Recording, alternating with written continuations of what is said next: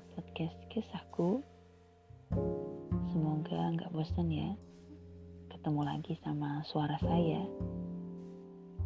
Oh iya, kali ini saya akan berkisah tentang gimana menyembuhkan luka. Ini bukan luka, luka di kulit ya. Tapi ini adalah bagian dari pembahasan kita yang sebelumnya ya tentang luka pengasuhan.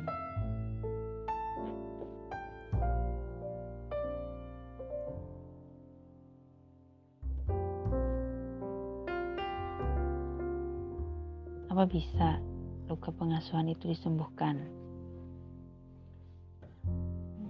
Tentu aja setiap orang tua tidak ingin mengulang kesalahan orang tuanya di masa lalu.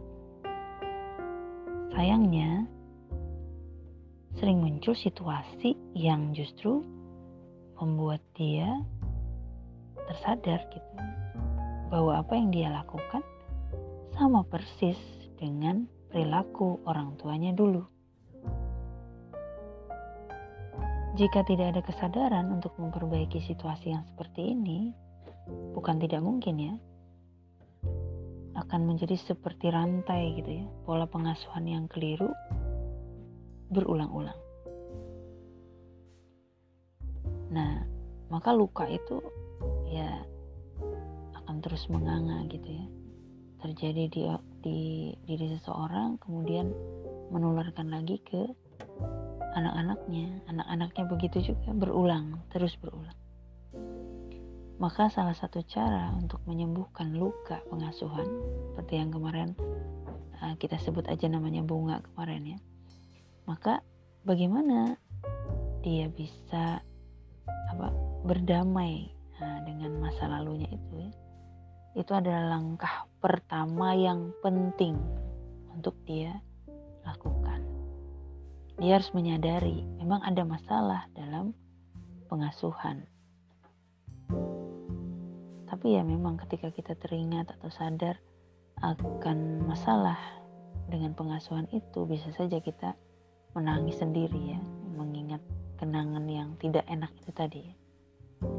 Tapi hakikatnya masa itu kan sudah berlalu ya.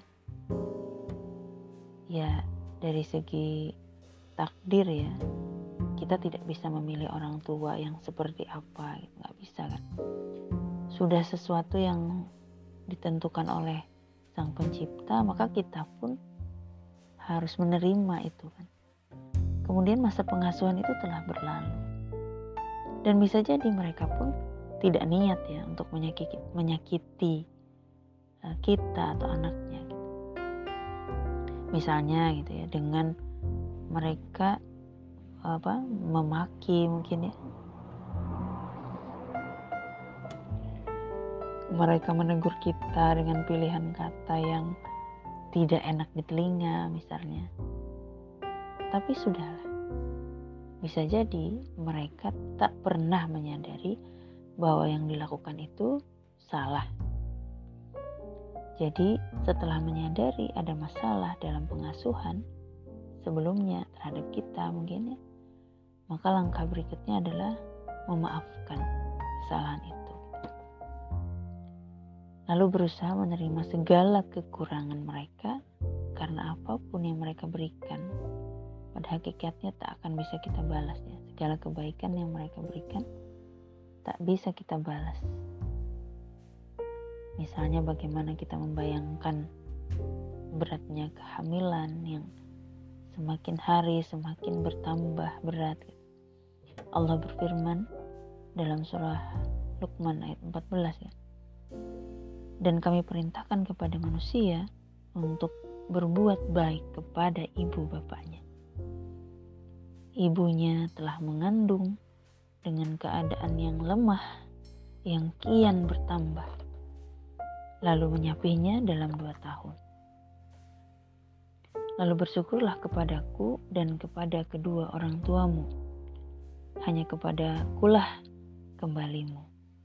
Nah ini apa Allah mengingatkan kita ya tentang uh, beratnya ya. Itu baru mengandung loh ya belum hal-hal lain yang gimana kita membalasnya gitu. Nggak akan sama kan. Jadi uh, dua langkah tadi ya uh, menyadari dan memaafkan itu tidak akan lepas dari uh, bagaimana kita mengubah mindset kita ya terhadap kehidupan sehingga kita bisa lebih bijak nah, menyikapi masa lalu Nah terus terang aja ya, secara pribadi kalau saja saya tidak mengenal Islam ya, atau tidak mengkaji Islam, kayaknya agak susah ya memaafkan. Seandainya tidak mengenal Islam dan ajarannya yang mulia, entah jadi apa saya ya. Jadi anak brengsek mungkin, jadi ortu yang jahat mungkin, yang hanya terus mengenang kesalahan orang tua dan bisa jadi terus mengulang itu kepada anak-anak saya. Astagfirullah. Aduh pokoknya ya nggak mudah kalau kita nggak mengubah mindset.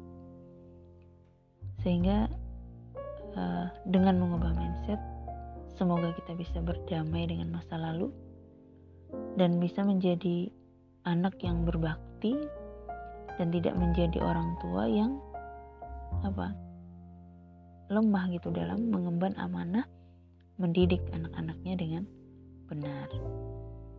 Ya, itulah yang mungkin bisa disampaikan. Mudah-mudahan bermanfaat. Allah alam bisawab. Assalamualaikum warahmatullahi wabarakatuh.